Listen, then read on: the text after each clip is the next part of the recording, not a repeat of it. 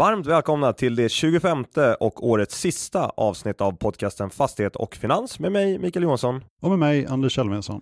Och jag Anders sitter här i studion tre dagar innan jul med en god stämning faktiskt mellan oss, för trots lite ledighet runt hörnet är det ju förbaskat kul att få snacka lite fastigheter, eller hur Anders? Ja men så är det verkligen. Och på tal om kul, eh, jag landade faktiskt precis från London efter att ha deltagit på ett kundevent där igår och under eventet så stötte jag ihop med en kund jag inte tidigare träffat eh, varpå vi faktiskt började prata om Heimstaden. Och ganska snabbt sa den här personen att I listened to a great podcast with their deputy CEO. These guys were just firing quite harsh questions at him and I think he handled it very well. So to the extent that following the podcast people in London uh, feel much more secure with Heimstaden Heimstad en bostad now than they did before. Och när jag då avslöjade att det var jag tillsammans med en person till som står bakom den här podcasten så blev han ju först väldigt förvånad för att sedan be oss faktiskt göra fler avsnitt på engelska. Så jag med min nyfikenhet undrade såklart hur han hade hört talas om avsnittet och svaret var då att A trader at JP Morgan sent me the link and said I must listen to it. Uh, så nu Anders, kan ju du så här lagom till jul imponera på frugan och påstå att du har supportrar i London?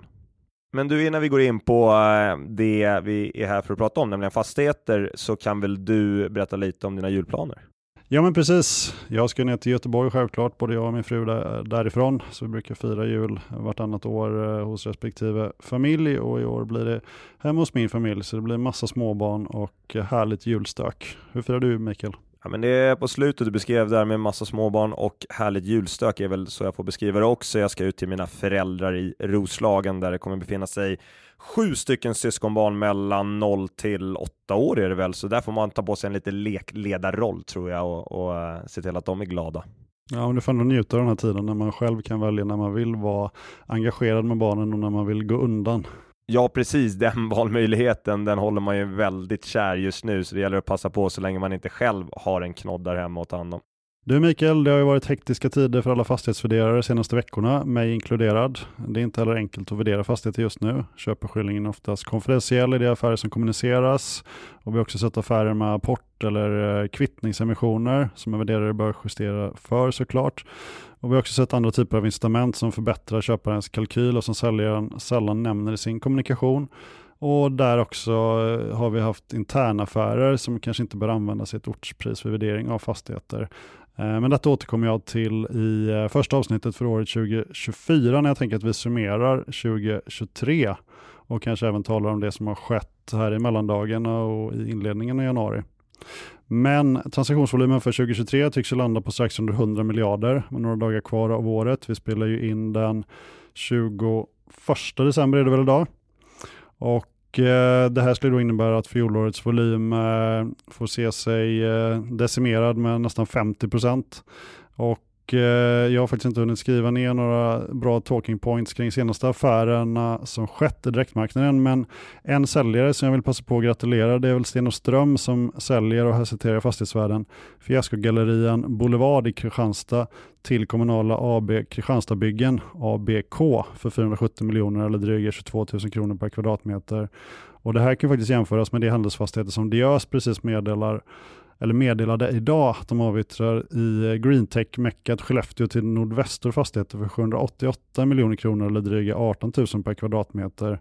Och I den här affären är då uthyrningsgraden 93 procent och hyresvärdet per kvadratmeter knappa 1600 per kvadrat.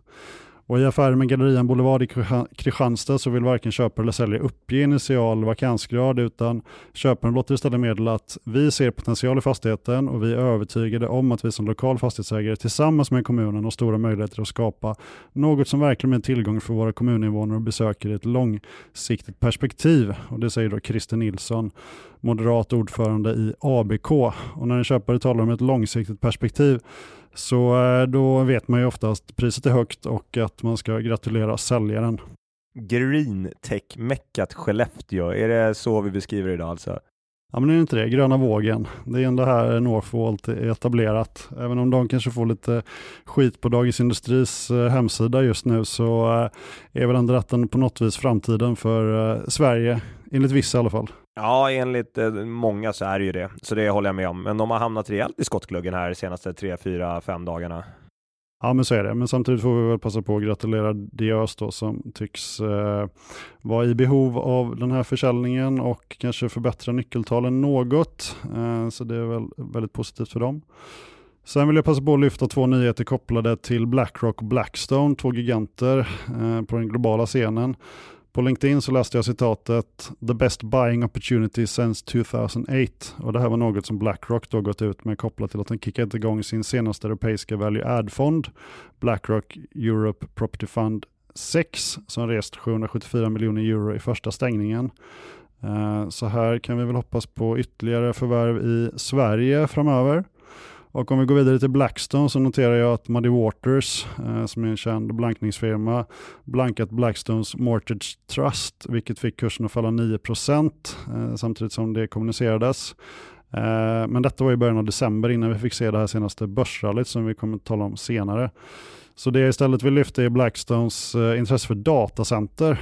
Eh, Blackstone förvärvade QTS Data Centers eh, 2021 och är fortsatt helt övertygade om att detta är en av de mest intressanta investeringarna på marknaden. Och nu har de då ingått partnerskap med Digital Realty i syfte att utveckla datacenter för totalt 7 miljarder dollar som ska stödja det enorma behovet av datalagring som kommer behövas under de närmaste åren. Och här i Sverige har vi till exempel Areim som fokuserar på datacenter. Så det här är nog definitivt en tillväxtmarknad och investeringar och det här slaget kommer vi nog se mycket av framöver tror jag.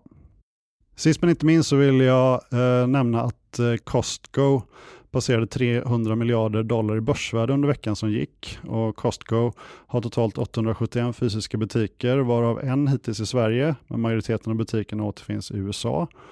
Och eh, då vill jag ju veta hur det står till med din huvudräkning Mikael. För börsvärdet på 300 miljarder dollar delat på de 871 fysiska butikerna, vad blir det per butik Mikael?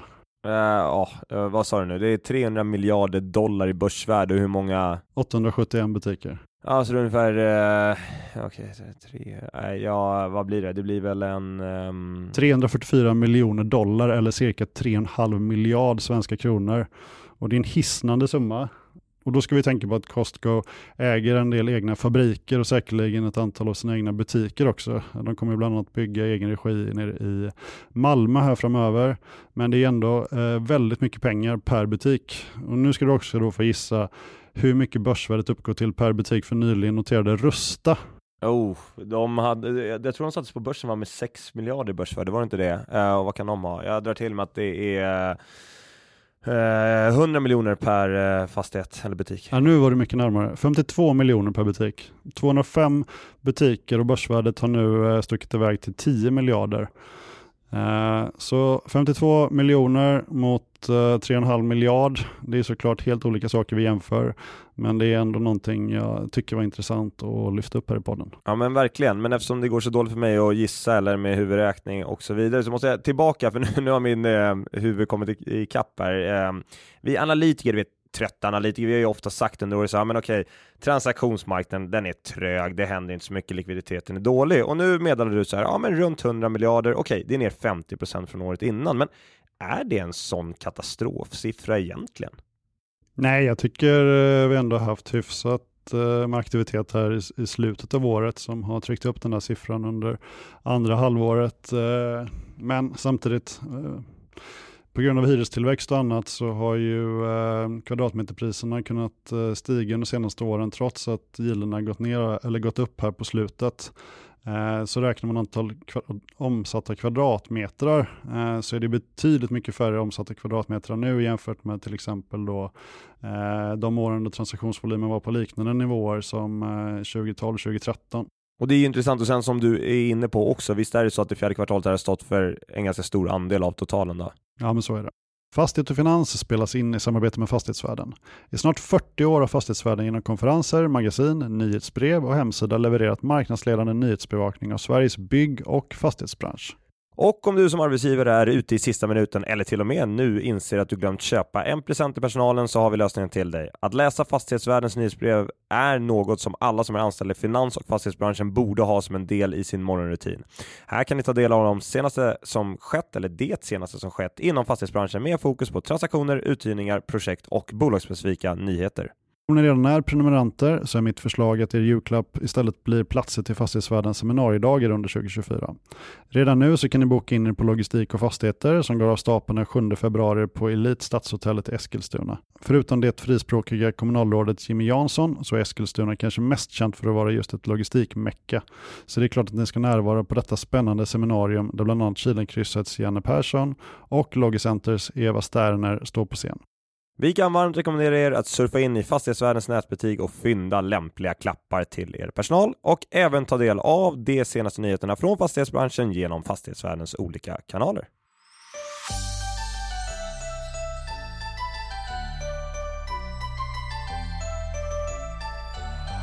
För exakt en vecka sedan hade vi ett rejält börsrally efter att Fed hade gett en eh, positiv dot-plot och eh, de svenska inflationssiffrorna kommit in på ganska svaga nivåer vilket gav stöd för lägre marknadsräntor. Mikael, vad är din kommentar på börsens reaktion? Hur pris till substansvärde utvecklats? Hur eh, obligationerna för high yield-bolagen har utvecklats sedan dess? Vi kan väl ta lite kring de här bitarna. Det är bara att konstatera att de senaste veckorna så är ju börsrallyt eh, enormt och det är såklart kopplat till fallet i långräntor som också har varit enormt. Eh, det har varit en extremt snabb utveckling. Om vi bara backar bandet till botten på index i eh, oktober, av 25 oktober, årslägsta. Sen dess är vi upp 43 procent senast jag mätte. Det kan skilja någon procentenhet idag när vi spelar in, men runt 43 procent, det, är, det är enormt. Eh, på bara cirka två månader så har vi alltså gått upp 40-45 procent och det gör också att årssiffran är plus 17-18 procent nu på indexnivå. Men var väldigt noga när ni tittar på de indexnivåerna att kika lite på vad det faktiskt är som driver det. För att om vi tittar på de enskilda bolagen så kommer ni notera att det är de indextunga bolagen som Balder, eh, Fabg, Atrium Ljungberg, Sagax, Castellum. De bolagen är upp ganska kraftigt i år medan faktiskt majoriteten av bolagen i sektorn, om vi tittar på alla som är listade då, är, fortfarande har en negativ year to date utveckling, alltså årsutvecklingen 2023 är fortfarande negativ trots rallyt här på slutet. Eh, jag kan väl också prata lite då, eh, snabbt om det här med substansvärderabatten. Den har ju utvecklats nu eh, i positiv bemärkelse för de här bolagen. Vi var ju nere och touchade någonstans runt 45-50% rabatt i genomsnitt i sektorn. Nu ligger den rabatten på 25% i genomsnitt och så indikerar väl slarvigt sagt 10-12% ner i fastighetsvärde om vi skulle utgå från att det bara var det man prissatte. High yield-bolagen, om vi tittar på deras spreadar, det har inte gått kanske riktigt lika starkt som börsen, men det är absolut sett performance i många namn och vi jobbar lite med referenskurvor som vi tittar på med jämna mellanrum och där har vi väl sett en tightening på ungefär 120 punkter, vilken är en stor förflyttning i obligationsmarknaden. Tittar vi på trippel B-bolagen, då skulle jag väl säga att om vi jämför början av hösten med nu, ja, men då är det kanske ihop någonstans runt 30 till 50 punkter och det tycker jag känns lite klent givet det enorma fallet vi har sett nu i, i långräntor. Så där kan man väl säga att i alla fall i relativt, relativa termer mellan investment grade och high yield så borde IG-bolagen ha lite mer att ge. Kvaliteterna verkar till slut eh, släppt greppet om Strandvägen 5 som nu är ute till försäljning enligt uppgift. Läget verkar närmast desperat för bolaget med obligationsinnehavare som krävt eh, återbetalning. Vad är din eh, syn på statusen här i obligationssituationen? Tyvärr är väl desperat, det är väl ett, ett, bra sätt tror jag att beskriva känslan hos kvaliteterna, för nu är det verkligen att det brinner i knutarna här. Eh, obligationsinnehavarna röstade ju om man skulle välja att kräva omedelbar återbetalning eller inte och den omröstningen, det slutade alltså i att man nu väljer att accelerera skulden och kräva omedelbar återbetalning. Så därav såklart paniken hos kvaliteterna. De måste ju skaka fram medel här väldigt snabbt. Eh, risken är väl någonstans att kvaliteterna, jag skulle tro att de har arbetat med ganska hög säkerhet säkerställd belåning i deras bestånd och när man nu måste sälja ganska snabbt då, då är frågan hur mycket pengar som faktiskt blir över i slutändan åt obligationsägarna. Vi kan väl prata lite mer om Strandvägen 5 då, eller Bodarna 11 som fastighetsbeteckningen är.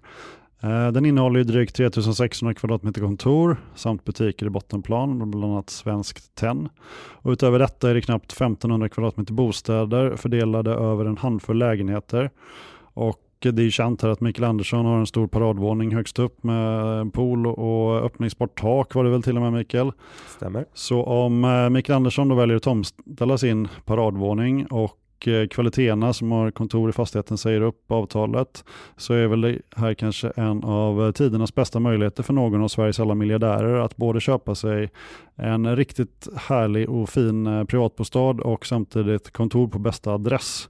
Och jag gick igenom, eller roa mig med att gå igenom listan eh, från i våras eh, med Sveriges mest förmögna. Och då står ju Antonia Axon Jonsson ut på en tredje plats och inom familjen finns ju Axfast och även Fredrik Lundberg på en tionde plats. Och inom den familjen finns ju Lundbergs då, som redan äger en fastighet på Strandvägen.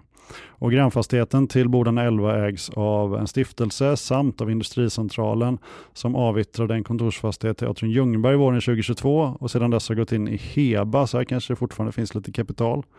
Hösten 2022 förvärvade Anders Bodin Hotell Diplomat, så här har vi ytterligare en potentiell köpare. Så det ska bli väldigt spännande att se vem det är som kniper den här juvelen. Men du är inte aktuell? Nej, eh, tyvärr inte. Eh, som en extra bonus Mikael så kan jag ge dig ett julklappstips. Om du än inte köpt något åt eh, din mamma så eh, fick jag ett tips här av en kollega att man kan ju faktiskt ge bort ett presentkort på Afternoon Tea i Svenskt Tenns tesalong som ligger i bottenplan just på Strandvägen 5. Spontant låter det ganska, som en ganska bra idé och bra, bra tips. Då. Min, min motfråga är, den kollegan som gav dig tips till dig, har den kollegan testat det här själv? Ja, det lät i alla fall som man hade fått bra recensioner från någon annan. Ja, men bra recensioner från någon annan. Man skulle gärna se att det här var inte via hästens mun då, utan direkt rekommenderat. Så jag, jag väljer att behålla den presenten jag har köpt till min mor. Din mamma kommer inte lyssna på den här podden, så du kan väl lika gärna avslöja vad du köpte din mamma. Nej, jag kan, jag kan säga så här, vi är ju fem syskon då, alltså fem barn då till min mor. Vi jobbar ju i ett syndikat då, tillsammans går ihop och köper någonting, så jag har inte varit huvudansvarig, så jag hoppas inte att mamma lyssnar på det här, för då avslöjar jag det, men det vet hon redan om i och för sig. Syndikaten är belånat presenten också? Eh, jag kan tyvärr inte kommentera våra finansiella upplägg i detta avseende. Jag förstår. Det är faktiskt något som förenar oss också. Du har fyra syskon, jag har tre syskon, så det är stora familjer. Det är härligt. Och man märker att jag är storebror och du är lillebrorsa. För att du styr upp allting här och jag bara följer efter. ja, lite så kanske. Uh, en annan stor nyhet. Styrelsen i Bonava har beslutat om en fullt garanterad nyemission av A och B-aktier om cirka men inte mindre än 1 miljard 20 miljoner med företrädesrätt för befintliga aktieägare. Här säger man då att under rådande marknadsförhållanden och mot bakgrund av att Bonavas obligationslån förfaller i mars 2024 och vissa kreditfaciliteter förfaller i början av 2025 har detta resulterat i ett behov av att justera kapitalstrukturen. Och Eh, Bonavas största ägare Nordstjärnan och fjärde AP-fonden har åtagit sig att teckna sina respektiva proratandelar av emissionen. Tillsammans har de 34,1% av kapitalet och 55,1% av rösterna.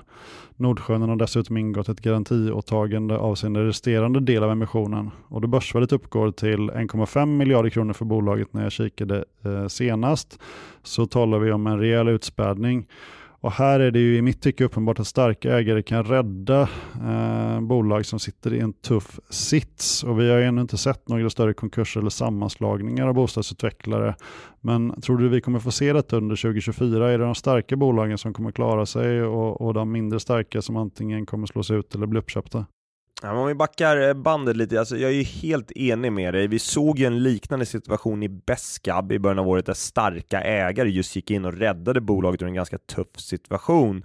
Eh, jag har själv aldrig haft officiell täckning på just Benava, men det är ju naturligtvis ett bolag som vi har följt väldigt, väldigt noga ändå. Och det känns som, tycker jag, den tillgångsmassan, där har vi ett långsiktigt värde. Det är dock en kapitalstruktur och en organisation känns det som, som inte riktigt är lämpad, eller anpassad kanske vi ska säga, för dagens tuffa situation för just bostadsbyggare. Så egentligen precis som de själva säger så är den här nyemissionen helt nödvändig. Och jag tror, eh, om jag ska svara på din fråga Anders, att det här med sammanslagningar, det kommer absolut vara ett ganska stort tema under 2024. Jag tror att det ligger i väldigt mångas intressen att få till den typen av lösningar på nuvarande ganska knepiga situationer. Så att budskapet är ganska enkelt. Det här är ett drömläge för alla så kallade ma människor runt om på olika banker och rådgivare. Det här kommer vara ett väldigt stort tema tror jag och kanske framför allt för bostadsbyggare där vi kommer behöva se en del sammanslagningar för att få lite större kostnads täckning, ska vi säga, av de fixade kostnaderna av att man är en, en, större organisation och större bolag och även har en bättre position mot bankerna då. Så jag, jag, tycker att det vore en ganska naturlig utveckling. För att det ska jag också vara noga med att säga eftersom vi har sett rallyt på börsen och långräntor som faller. Att långräntor faller, ja det är positivt, men det löser inte alla de problemen och utmaningarna vi ser i svensk fastighetssektor. Vad gäller Oscar Properties så fick vi svar på hur DNB avser att hämta in det utlånade kapitalet. Eh, mäklarhuset som har uppdraget satte först buddatumet till slutet av december men detta har sedan skjutits upp till eh, början av januari. Och med tanke på att processerna generellt sett tar längre tid i dagens marknad eh, så kan vi väl utgå från att köparna av dessa fastigheter kommer att både hängsla och livrem på när de lägger bud. Eh, någon kommentar på eh, det för försäljningsförfarandet Mikael? Men att försäljningsförfarandet skulle gå så pass snabbt som innan jul, det tror jag skulle vara direkt skadande eventuellt för värdet som man kan kräma ur den här portföljen. Så då hade man nog sett lite andra stakeholders kan vi kalla det i Oscar Property som hade haft lite åsikter om det här verkligen var bästa sättet att få ut maximalt ur den portföljen. Eller om då banken i det här fallet mest var intresserad av att täcka sin egen eh, utlåning på 1,6 miljarder. Så jag tycker det är ganska naturligt att det ges mer tid faktiskt. Ytterligare en långivare har nu begärt återbetalning av lån som jag förstår det. Hur mycket finns det egentligen kvar av bolaget Oscar Properties? Du, det är en högst befogad fråga tycker jag. Jag har i och för sig inte sett någonstans om man vet hur värdefull i balansräkningen av portföljen är som det här 485 miljoners lånet är säkerställt med, men oavsett egentligen med SBB-situationen då i Valerum-portföljen och sen har vi HL18-portföljen med en säkerställd obligation kopplad till de fastigheterna har jag, som jag sagt i den här podcasten tidigare, väldigt svårt att se att man ska komma ut med något värde som antingen då icke säkerställd långivare i Oscar Properties eller som aktieägare, tyvärr. Men det sista är såklart inte sagt än. Och på det personliga planet så får vi väl passa på att gratulera Oskar Engelbert till en fin uthyrning i Hollywood, eller som Fredrik Engström på Fastighetsvärlden valde att kalla det, affären med Kim Kardashian. Och det är ju alltså då en nybyggd kontorsfastighet som Oskar ägde i det privata bolaget som WeWork lämnade i, eh, jag tror det var förra hösten, och som nyrts ut till bolaget Skims som säljer figurnära shapingplagg. Mikael, har du några sådana? Nej. Inga hudfärgade underkläder heller? Nej. Eh, men bolaget grundades i vart fall av Kim Kardashian och den svenska entreprenören Jens Grede och hans engelska fru Emma Grede 2019. SBB har fått stå i centrum på flera olika sätt senaste tiden. Ett kort tag så var JM mer blanket än SBB, eh, vilket kanske var skönt för bolaget. Men SBB är nu efter senaste kursrusningen återigen den mest blankade svenska aktien. Eh, och hur ser investerarna på långcaset i aktierna då Mikael, de du talar med? Väldigt många, eller i princip alla institutioner och fonder har varit ur den aktien ganska länge. Sen är det så att en del Family Office-investerare, de har sett på aktien nu på slutet då, som ett bra deltaspel på räntefallet. Och det är klart, eh, aktien är ju faktiskt upp ganska mycket från botten. Den var ju ett tag och handlade över 5 kronor och ett tag var den under 3, så det blir en procentuell ganska rejäl skjuts för de som tajmade den botten rätt och kom in eh, och, och, köpte och sen har kunnat sälja av här då när vi har varit runt femkronan. Men generellt eh, så är det väl det man hör från investerare det är att de är medvetna om att situationen fortsatt är väldigt svår. Så mest intresse har vi bland våra investerare inte för aktien utan för de icke säkerställda obligationerna eller i vissa fall hybriderna. Flera lyssnare som vi har här i podden har eh, hört av sig och haft frågor om eh, Leif Synnes och Lennart Schuss insynsköp och sälj. Eh, transaktioner där de då köper ett av aktieslagen för att sedan sälja det andra eh, eller tvärtom. Eh, och varför gör de på det här viset Mikael kan man ju fråga sig och det frågar även lyssnarna oss. Det kan man eh, fråga sig. Det är möjligt att jag missar någonting här men att man säljer kan ju handla om att realisera förluster av skatteskäl då, men det förklarar ju då inte varför man sen väljer att byta aktieslag. För vissa då väljer ju att vända runt för att realisera förlusten, men då hade man väl naturligt köpt tillbaka samma aktieslag som man hade om man inte då av någon anledning tycker att det är värt att byta det kan ju vara så att du som företagsledare har olika tro på vad man kan åstadkomma med bolaget och därför väljer att vikta sin risk i privatekonomin lite annorlunda. Så jag, jag har faktiskt inget bra svar, men generellt är det ju så att D-aktien har mindre risk än B-aktien samtidigt som B-aktien då är eh, connectad med en större uppsida. SBB meddelar att de paketerar sina bostadsfastigheter och sin bostadsutveckling i ett separat bolag eh, med egen management där de nu har börjat tillsätta olika personer i ledarskiktet, bland annat vd. Bolaget får namnet Svefastigheter som redan finns inom SBB idag och ambitionen är att få till en ägarspridning där SBBs ägande går ner under 50%, antingen genom en börsintroduktion eller genom att en strategisk ägare kliver in i bolaget. SBB handlades upp på nyheten. Någon kommentar på det här Mikael? Jag kan säga så här att redan i Q3-rapporten så var ju budskapet tydligt att man ämnade göra detta, så själva annonseringen nu var väl egentligen bara att nu har vi gjort det vi sa att vi skulle göra.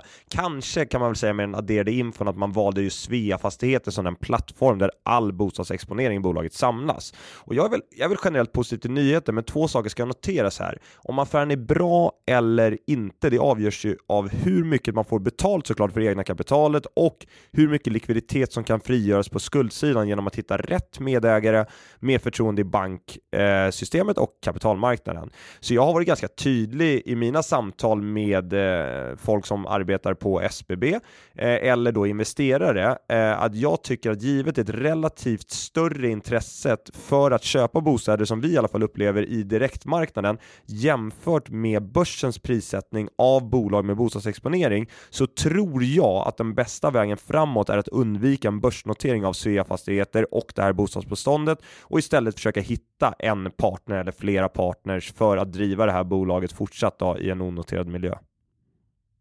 Mikael, du nämnde att du talat med en hel företrädare för SBB. Har eh, podden kommit upp? Podden har kommit upp, absolut. Har du bjudit in någon? Det har förekommit en diskussion om att potentiellt någon från bolaget ska delta i den här podcasten. Så vi får se om det blir så eller inte, men låt oss hålla tummarna för 2024. Det gör vi verkligen. Heimstaden Bostad har fortsatt att figurera i media senaste tiden. Två saker som jag vill lyfta upp Mikael med dig, det är ju att bolaget genomför ett så kallat tender offer. Eh, och då vill jag ju såklart veta, hur gick det? Det gick bra. Det gick bra. Eh, de fick in cirka en miljard i tre lån och minskade därmed refinansieringsrisken nästa år kan man väl säga. Så även om summan i sammanhanget var ganska liten så upplever jag att investerare tog själva aktionen då som ett styrkebesked. Sen hade vi då eh, S&P som valde att sänka kreditbetyget för Heimstaden Bostad till eh, BBB minus med negativa utsikter. S&P hänvisar till prognoser som pekar på försämrad räntetäckningsgrad hos Heimstaden Bostad, där det bedöms att bolaget inte kommer att behålla en eh, ebita räntetäckningsgrad på över 1,8 under de kommande 12-24 månaderna. Vi hade besök av Heimstadens Christian Fladeland för några veckor sedan och han var tydlig eh, med att någon nedgradering inte är aktuellt. Eh, hur snabbt behöver bolaget nu agera för att detta inte ska ske, Mikael? Jag ska vi ge honom lite cred så sa han att en nedgradering till high yield inte var aktuell, men ett hack ned på ratingskalan det kunde ske. Eh, jag skulle vilja säga att överraskningen här var dock att S&P satt en negativ outlook och inte en stabil outlook. Men nedgraderingen skedde väl nu? Nästa steg är väl high yield? Ja, ja, ja, men han sa ju inte att en nedgradering, eh, han sa inte att en nedgradering inte var aktuell, utan han sa att en nedgradering till high yield är ingenting som han hoppas sker eller som de ser för sig, men däremot att en nedgradering från triple B flat till triple B minus, det var jag öppen med, det, det finns en uppenbar risk att det kommer ske. Eh, jag skulle bara förtydliga det om Christian mot förmodan lyssnar på det här. Ja, men det är bra det. Jag skulle säga att även här så har ju faktiskt läktarstöket spelat en ganska stor roll. Tidigare har ratinginstitutet, då, S&P i det här fallet, de har haft med aktieemissioner i sina prognoser, men nu utgick man istället från att så inte blir fallet och det är ju på grund av stöket i Alecta. Och då sjunker såklart kreditnyckeltalen eh, i linje med precis det du indikerade Anders, framförallt är det då räntetäckningsgraden som blir svagare än vad de tidigare har estimerat. Så jag tror att den här negativa outlooken kan göra att ägarna nu faktiskt känner flåset i nacken att agera snabbt och jag utgår från att vi ser en emission under det första kvartalet 2024. Vi ligger inne med cirka 6 miljarder i tillskott från ägarna under Q1 och sen eventuellt att det behövs mer pengar i slutet av året eller början av nästa för att hålla då kreditratingen ska vara tydlig. Men Anders, jag måste säga, vårt case är Heimstaden Bostad och Himson AB, det är inte avhängt av en nedgradering och ju mer jag pitchar Himson AB till våra kunder, som jag gjort väldigt mycket de senaste veckorna, ju mer gillar jag riskrewarden i det här caset. Min kollega på Sales, han kallar det här för årets julklapp och jag, jag är banne mig beredd att hålla med om den eh, formuleringen. Ja, men då vet vi vad alla fastighetsklippare ska önska sig julklapp av sin respektive när den tiden är kommen. Akelius Residential Property fick se sin rating dala efter utdelningen på 15 miljarder. Och eh, du Mikael kan väl berätta lite mer vad som skett här? Ja men det kan jag göra. Eh, som de flesta lyssnare säkert känner till så frigjorde Akelius en hel del kapital när man sålde en stor fastighetsportfölj till eh, just Heimston 2021. Tanken var ju att detta delvis skulle återinvesteras då främst i Nordamerika. Men den köpräden, det kanske inte riktigt gått lika snabbt som många trodde. Och med den överlikviditeten man hade i bolaget då, så valde man istället att köpa finansiella ränteinstrument som enligt mina uppgifter i alla fall matchades med skuldförfallen i bolaget. Och nu väljer man istället alltså att ta ut ut 1,3 miljarder euro av dessa instrument och dela ut till ägarna som då ska investera dessa. Eh, dock ställde ju faktiskt ägarna samtidigt en garanti på skulden i Akelius och trots den rejäla utdelningen så måste jag säga att det här bolaget står väldigt starkt kreditmässigt. Så man kan väl säga att jag tycker ratinginstitutet är lite snett på bollen här med sin nedgradering. Ralf Spann, som är vd på Akelius eh, Residential Property, säger att pengarna ska gå till att köpa aktier i ett 50-tal bolag. Går det några rykten bland er analytiker kring vad Roger egentligen har i kikan här? Ja, det är möjligt att, eh, att det gör det, men i sådana fall är inte jag med i den gruppen som får höra det. Då. Det är möjligt att de andra analytikerna pratar om det, men jag hörde bara en lösryckt teori, teori om att Roger nu ska in som ägare då, i just Svea Fastigheter, men det är som sagt väldigt lösryckt. Eh, vad han ska köpa i övrigt, det vet jag tyvärr inte. Ja, men vi gillar ju rykten, så det är väl eh, kanon att du fångar upp det där Mikael. Ja, ibland i alla fall är jag ute på eh, stan och hör lite saker. I Dagens Industri kunde vi läsa Maria Granlund på Alfred Berg uttala sig om att dålig transparens på obligationsmarknaden gynnar bankerna. Eh, vad är det Maria anser bör förbättras? Håller du med henne Mikael? Maria är inne på det vi diskuterade lite tidigare i, i podden, alltså tid, inte i det här avsnittet utan i tidigare avsnitt, nämligen att transparensen inte alltid är jättebra i obligationsmarknaden då den fortfarande är OTC-handlad. Och Anders, vad står OTC för? Over the counter. Snyggt. Eh, aktier däremot, det handlas ju över börsen där all allt egentligen omsätts på ett och samma ställe. Så Maria var ju tydlig att det här först och främst inte gäller IG-bolagen utan främst gäller de så kallade high bolagen där det ibland kan gå väldigt långt mellan att avslut görs i enskilda papper, vilket gör att de här så kallade skärmpriserna, som jag pratat om tidigare, att de kan avvika ganska mycket från det verkliga priset. Ofta i aktiemarknaden finns det ju alltid köp och säljkurser som man kan handla på, så funkar det ju faktiskt inte i obligationsmarknaden. Och jag, menar, jag gillar Maria, hon är en av de kunder som som, som vi har ganska mycket kontakt med och hon har alltid en tydlig åsikt eh, om saker och ting och jag, jag gillar ju åsiktsorienterade människor och i artikeln är hon ju konkret med förändringar hon skulle vilja se för att förbättra marknaden. Så alltså, bara summa summarum, självklart ligger det en hel del i det hon säger. Både Neobo och Atrium Ljungberg har kommunicerat att de förändrat sin utdelningspolicy. Neobo slopar sin utdelning medan Atrium sänker sin och istället meddelar att de fortsatt väljer att pausa utdelningen om jag förstår saken rätt. Kan du påminna oss om vilka övriga bolag som redan justerat sin utdelningspolicy, Mikael? Kanske inte jättemånga på rak arm som just justerat själva policyn. Dock valde en hel del att justera ned utdelning föregående år och kanske inte dela ut fullt så mycket som policyn indikerar. Och då tänker jag på Fastpartner som ett exempel. Fabg gjorde också det och det finns ett par andra bolag som antingen valde att ställa in eller justera ner. Vilka av bolagen där ute tror du kommer gå samma vägar under de närmaste månaderna? Jag var ju uppriktigt förvånad över hur många bolag som valde att upprätthålla en utdelning under 2023 faktiskt. Eh, att man behöver dela ut för att enskilda huvudägare behöver det är ju faktiskt inte anledning nog för att dela ut och inte heller är det en speciellt bra anledning att man vill ingå i utdelningsindex. Eh, när vi nu spanar mot de här besluten om utdelning som ska distribueras under 2024 så utgår jag från att fler bolag inser värdet av att sänka eller i alla fall klippa utdelningen då man rimligtvis bör kunna skapa bättre avkastning åt sina aktieägare genom genom den aktionen, genom att hålla kapital eh, in-house. Och inte minst så kommer den typen av beslut hålla långivarna nöjda. Så jag tror jag undviker kanske att spekulera om enskilda bolags utdelningsbeslut i det här forumet, men för mig borde det vara, eller så som jag ser på det, så borde det vara en no-brainer i många styrelserum att ställa in utdelningen helt. Doxa är kanske mest känt eh, vid detta laget för att ha köpt ut Serneke från eh, börsen. De genomförde en riktad nyemission på 350 miljoner.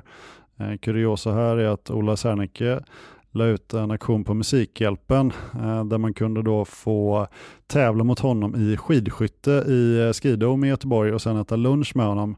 Och eh, buden var på så låga nivåer till en början att eh, jag tyckte att det är väl kul att få vara med i budgivningen för jag kommer ändå inte vinna. Så jag var med där från 1000 till 2000 spänn ungefär faktiskt. Eh, sen slutade den väl på, på bra mycket högre, eh, men det var väl kul att få hjälpa till lite där och trycka upp kursen. Uh, om vi återgår till eh, teckningskursen i nyemissionen så var den hyfsat i linje med den kurs som aktien handlades i dagen innan. Nya friska pengar kom in i bolaget uh, och det ska ju då gå till förstärkning av den finansiella positionen, att öka handlingsutrymmet och att möjliggöra investeringar i pågående projekt som skapar värde för Doxa. Och det skriver de då angående den här nyemissionen. Mikael, är möjligheten bättre nu efter senaste tidens kursrusning för mindre bolag med låg ICR och LTV att ta in nya pengar skulle du säga?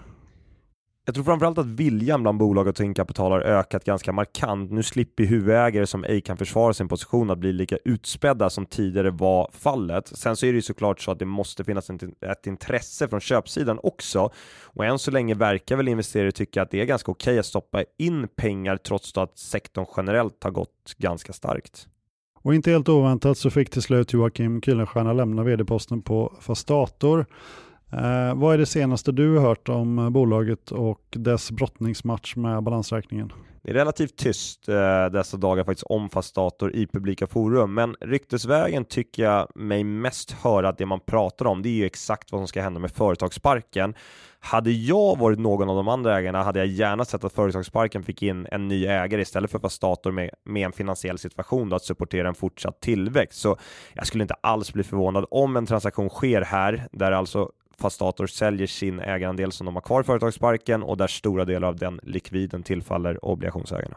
Titania är ett annat bolag som tagit in pengar och där bistod, bistod ni i kapitalanskaffningsprocessen Mikael. Du får gärna berätta lite mer om hur eh, den gick till och hur eh, nivån såg ut. Ja men superkul. Eh, framförallt såklart att emissionen gick att göra men också att Arctic var med och jag känner caset väl måste jag säga sedan den senaste obligationsemissionen gjordes våren 2021 för Arctic var med då också. Så jag tycker faktiskt analysen, där kanske är lite självgott att säga, men jag tycker den vi gjorde, den fångade ganska bra helheten här och vi jobbade väldigt nära vissa investerare för att få dem trygga med hur man ska se på riskerna. För att jag menar i den här typen av marknad, framför allt när man ska försöka hämta pengar åt ett bolag som sysslar med eh, bostadsutveckling, ja då blir ju processen lite längre än normalt och mer tid måste helt enkelt ges för att tillåta investerare att verkligen sätta sig in i bolagets situation. Och Einar är ju, eh, Einar Jansson alltså huvudägare och VD, han är duktig på att förklara och förmedla hur de tänker och uppenbarligen så nådde ju han fram till tillräckligt många för att det här skulle gå att att göra. Sedan ska man ju vara väldigt noga med följande då. Emissionen sammanföll med positiva räntebesked, vilket gjorde att det var lite risk-on i kreditmarknaden. Eh, priset sattes till Stibor plus 850 punkter och så emitterade man då obligationen till en underkurs, vilket gör att jag skulle säga att effektiv ränta i det här fallet, det blir ungefär Stibor plus 950 punkter. Så grattis till Tanja säger vi och vad fasiken, jag säger grattis Arctic också när jag ändå är igång. Grattis Mikael.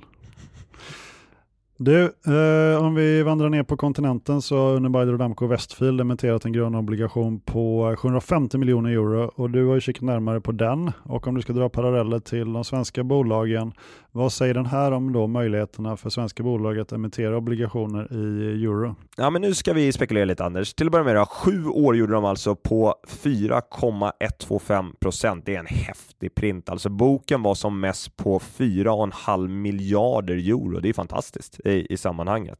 Men för att koppla tillbaks till vår lokala marknad, till våra svenska bolag. Så för det första så säger ju den här printen att nummer ett då, marknaden inte är stängd. Så det är dags att sluta med det här dumma pratet om att kreditmarknader stänger. De stängs ju väldigt sällan. Däremot är det ju prisbilden, den är under konstant förändring och för vissa enskilda bolag, exempelvis SBB, ja där är det ju mer eller mindre stängt därför att man som investerare skulle kräva ohyggligt gott betalt för att delta i en emission idag. Då.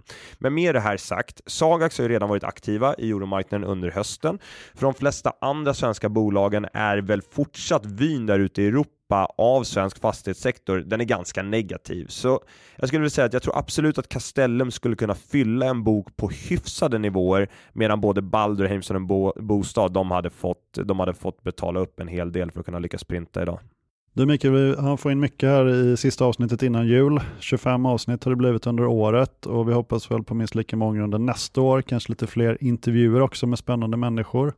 Ja, absolut, det hoppas vi på. Och eh, jag har väl egentligen inget jag vill lyfta annat än mitt eh, Skistar-tips där. Eh, nu har ju faktiskt aktien också gått upp i linje med börsen, alltså 20% sen jag köpte. Eh, så det blir ju eh, pengar på pengar här kan man ju säga när jag köper mina liftkort under våren. Ja, det är en fin affär, men eftersom du är inne och, och pratar lite om det här så ska jag säga det jag alltid säger, eh, att det vi har sagt i den här podcasten eh, ska ju varken tolkas som en köp eller säljrekommendation i något finansiellt instrument. Och med det här så, vi stänger ju år ett av 2023 av den här podcasten, Anders. Det är en idé som du lanserade i december 2022 en idé jag var ganska skeptisk till, men jag måste säga att det här har ju varit ohyggligt kul att göra. Forumet är kanon, jag lär mig mycket av dig Anders och jag märker i mitt dagliga arbete också vilket stort intresse det finns för fastighetssektorn i vårt avlånga land därför att podden dyker upp i väldigt många sammanhang. Så ja, vi kommer definitivt köra på nästa år och som du var inne på, vi har ju lite tankar eh, på att få in ett par relevanta gäster också i enskilda avsnitt under året. Ja, men så är det verkligen och jag är superintresserad av vad du håller på med och det tror jag man märker som lyssnare eh, när man ställer frågor här till dig Mikael. Och du har ju väldigt kunniga svar också ofta. Ibland. Nej, väldigt ofta. Men med det så eh, ska vi väl tacka er, framförallt ni som väljer att lyssna på det här, för att ni varit med oss under året och vi ser fram emot att ni fortsätter lyssna på oss nästa år. Eh, fortsätt komma med inspel, hör av er, eh, tankar, idéer. Det är jättekul att så många väljer att höra av sig. Vi ska också tacka eh, Arctic Securities och Cushman Wakefield för ett eh, väldigt positivt samarbete, får vi kalla det, det är ändå våra arbetsgivare. Och även Fastighetsvärlden som varit väldigt betydelsefulla för oss under året. Så är det. Och jag tänker att du som lyssnar nu kanske sitter till eller från julfirandet i eh, en bil, på en väg, eller ett tåg eller buss. Och vi önskar dig såklart god jul och ett gott nytt år. God jul och gott nytt år.